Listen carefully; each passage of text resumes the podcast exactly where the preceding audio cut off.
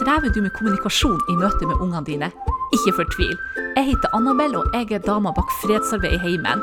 På denne podden skal du få lære å bli bevisst at den viktigste rollen du har, det er å være en leder for dine unger. Og jeg skal hjelpe deg å løse hverdagsutfordringer som dukker opp i familien. Hvis du ønsker mer inspirasjon, gå til annabelstefanussen.no, så får du ti gratis konkrete tips for tydelig og vennlig kommunikasjon som du kan ta i bruk med det samme. Hei, hei. Er du nysgjerrig på hva som er forskjellen på det å være forelder og det å være leder for ditt barn? Da må du følge med på denne episoden, skal jeg dele med deg. Jeg har jo et brennende engasjement på å lære alle foreldre hvor viktig det er å se på foreldrerollen som verdens viktigste lederoppgave. Og jeg tenker at forelder, det er noe du er. Det er vi alle. I kraft av at vi har fått et barn, så er vi blitt forelder. Så det er du hele livet. Mens det å se på det som en lederoppgave, og det å se på deg sjøl som en leder for ditt barn, så er det noe du gjør. Så jeg tenker at eh, når du skal være en leder for ditt barn, så du, kan du overføre det litt til det Enten om du sjøl er leder på en jobb, eller om du, hvis du er i jobb, så har du sannsynligvis en leder. Og det jeg tenker som er oppgaven til en leder, det er bl.a. at leder den skal ha et større overblikk over eh, arbeidsplassen enn medarbeiderne har, over alle oppgaver, forstå helheten. Og sånn tenker jeg med deg som forelder òg. Du skal ha det største overblikket. Du skal sette på forståelse for hvorfor ting må være som de er, og hvorfor man må gjøre som man gjør. Du, skal, du, setter, du er eldre, du setter på mer kunnskap. Så blant annet så er det du som, um, som ikke sant, setter på forståelsen for hvorfor er det ungene må få i seg noe sunn mat i løpet av dagen. Du forstår dette mer om hva som er viktigheten med dette enn fireåringen din gjør, men også sannsynligvis enn 18-åringen din gjør. Så kan du sannsynligvis mer om hvorfor det er viktig at hun eller han spiser noenlunde sunt, i hvert fall helst ett måltid for dagen. Du forstår òg hvorfor det er viktig at de får nok søvn. Ungene blir å ha lyst til å være oppe og spille, eller å se på TV, eller være sammen med venner. Men du forstår hva det er som skjer hvis tenåringen din sitter oppe halve natta og spiller. Du forstår rekkevidden av å bli gående med lite søvn på en helt annen måte enn hun og han forstår. Eh, du forstår også hvorfor de ikke kan få ubegrensa med lommepenger, at dere er nødt til å ha penger til huslån og mat og regninger. Du har et overblikk over det som hun og han ikke har. Så, ikke sant? Sånn at det er din jobb å forklare disse tingene når ungene dine ikke vil eller går i vranglås, så er det din jobb å formidle dette til dem. Og da leder du dine unger når du begynner å forklare dette på en måte som gjør at hun og han kan forstå dette. Og så jeg bruker jeg å si at alt kan sies når formen er god. Og måten du formidler dette på, kommer til å være veldig avgjørende for om de faktisk lytter med en viss grad av interesse og blir lydhør til det og får respekt og tillit til det, eller om de på en måte får motstand, at du går i en autoritær form og bare sier 'sånn er det fordi at det er jeg som har bestemt det, og jeg orker ikke å diskutere dette flere ganger', så vil de enten få veldig motstand eller begynne å gjøre opprør. Så tenk deg over sjøl og hvordan liker du å bli leder? Og forsøk i størst mulig grad, og om du kan snakke til dine barn og dine tenåringer på en måte som du tenker at ja, men hvis jeg sier det på den måten, så tror jeg kanskje den får mye motstand, da unngår du det. Kontra hvis du tenker men hvis jeg henvender meg jeg tenker med, med hjertet, med respekt. At man kontakter hjertet sitt og virkelig har en intensjon om å ønske å bli hørt.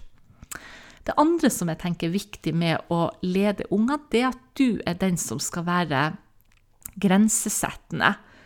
Du skal tørre å være også en upopulær forelder. Og det å sette grenser er også, hvis du kan se på det som å vise mye kjærlighet for dem, da er du òg en tilrettelegger. At når du setter grenser på hvor mye spilletid de skal ha, hvor mye mobilbruk de kan holde på med, når de er det leggetid, ikke sant? Og igjen, ikke sant, hvor mye lommepenger får de lov å disponere? Og lommepenger, ikke sant, ukelønn, hvis vi kaller det for det. Hvis det er lommepenger, så tenker jeg da trenger de ikke å yte så mye. Vær også litt bevisst hvordan du kommuniserer det ut. At jeg tenker det er forskjell på å få lommepenger og få ukelønn.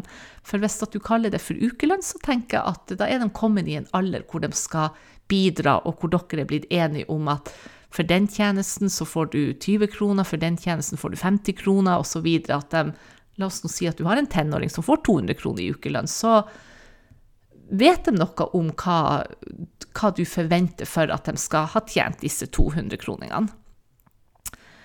Eh, og så er det forskjell på det å Du skal være den som beslutter, ikke sant? Det gjør din leder på din arbeidsplass òg når hun eller han har hørt på innspill fra dere medarbeidere om en sak dere står i, eller avgjørelser som skal tas, så er det lederen både som den eneste som har myndighet til, og den som også faktisk skal skjære gjennom og beslutte. Og likens er det i familien òg at jeg tenker at det er mange ting vi kan drøfte med alt fra femåringen til igjen 18-åringen. Men det er du som forelder som sitter på myndighet til å skjære gjennom og beslutte det som eh, du ønsker, ønsker, skal skje. Så ikke, ikke vær redd for å bruke den autoriteten. fordi at når du er trygg i deg sjøl Vi alle vi utstråler en energi. Og både barn og tenåringer de fanger opp hvis at du som forelder vingler i å ta beslutninger, vingler i å være grensesettende, så fanger, det, fanger de opp at du er litt usikker på om du mener det eller ikke. Og det er når du begynner å signalisere at du er usikker, eh, at de ubevisst eller bevisst vil begynne å teste deg ut. Så når du skal gå inn i en eh, diskusjon og skjære gjennom om noe, sette grenser, så tenk litt gjennom først på forhånd hvis du vet at dere har en tendens til at det blir mye krangling. Jeg pleier alltid å si at ta det opp med ungene dine når du er på et rolig sted i deg sjøl, og når de er rolige. Og så møter du forberedt. For det var en psykolog som sa en gang, han hadde også jobba som rettspsykolog, så sa han at det er ikke den beste advokaten som vinner casen, det er den advokaten som møter best forberedt. Og sånn tenker jeg det er i veldig mange av andre livets situasjoner også, at det er ikke den beste som på en måte er den som vinner, enn hva det nå enn måtte være.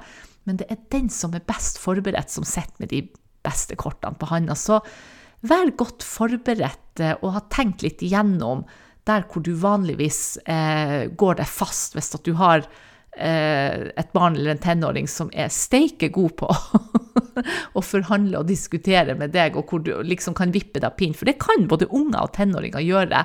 Og også at vi til slutt vi føler vi slipper opp for argumenter, og så går vi lei, og så kanskje gir vi etter, og så begynner vi å skylde på dem, ikke sant? Mens at det egentlig er vi sjøl som har vært dårlige. Eh, ikke sant? At vi har ikke vært offensiv nok i lederrollen. Så jeg bruker å tenke at det er ikke altså at ungene våre når, når, jeg var misfornøyd med noe med våre to sønner, så kunne jeg kjenne etterpå, når jeg liksom ble, var litt mer i et bevisst øyeblikk, så tenke at ja, men det er jo jeg og han Dagfinn som har eh, på en måte oppdratt dem, så det er jo vi som har skapt disse, dette resultatet. Det er jo vi som har lagt til rette for at de har fått lov å utvikle en atferd som vi ikke har tillatt.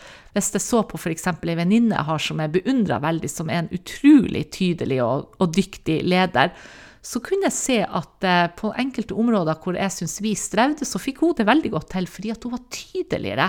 Hun var egentlig sterkere enn meg på det å sette grenser, og hun, kunne å, hun var tydeligere på det å skjære gjennom. Så kunne jeg eh, noen gang synes at hun ikke alltid var like god på form, at jeg kanskje var bedre på det med å ha en vennlig form, mens hun var sterkere på det å være tydelig. Så det jeg ikke trengte å øve så mye på når jeg nå etter hvert ble god på det med å ha vennlig kommunikasjon, så visste jeg at jeg hadde stort sett alltid hjertet med meg inn i dialogen med guttene. Men det jeg måtte øve på, det er hvordan jeg skulle si ting som jeg visste kunne by på mye motstand. Så kjenn etter for deg òg som leder for dine unger.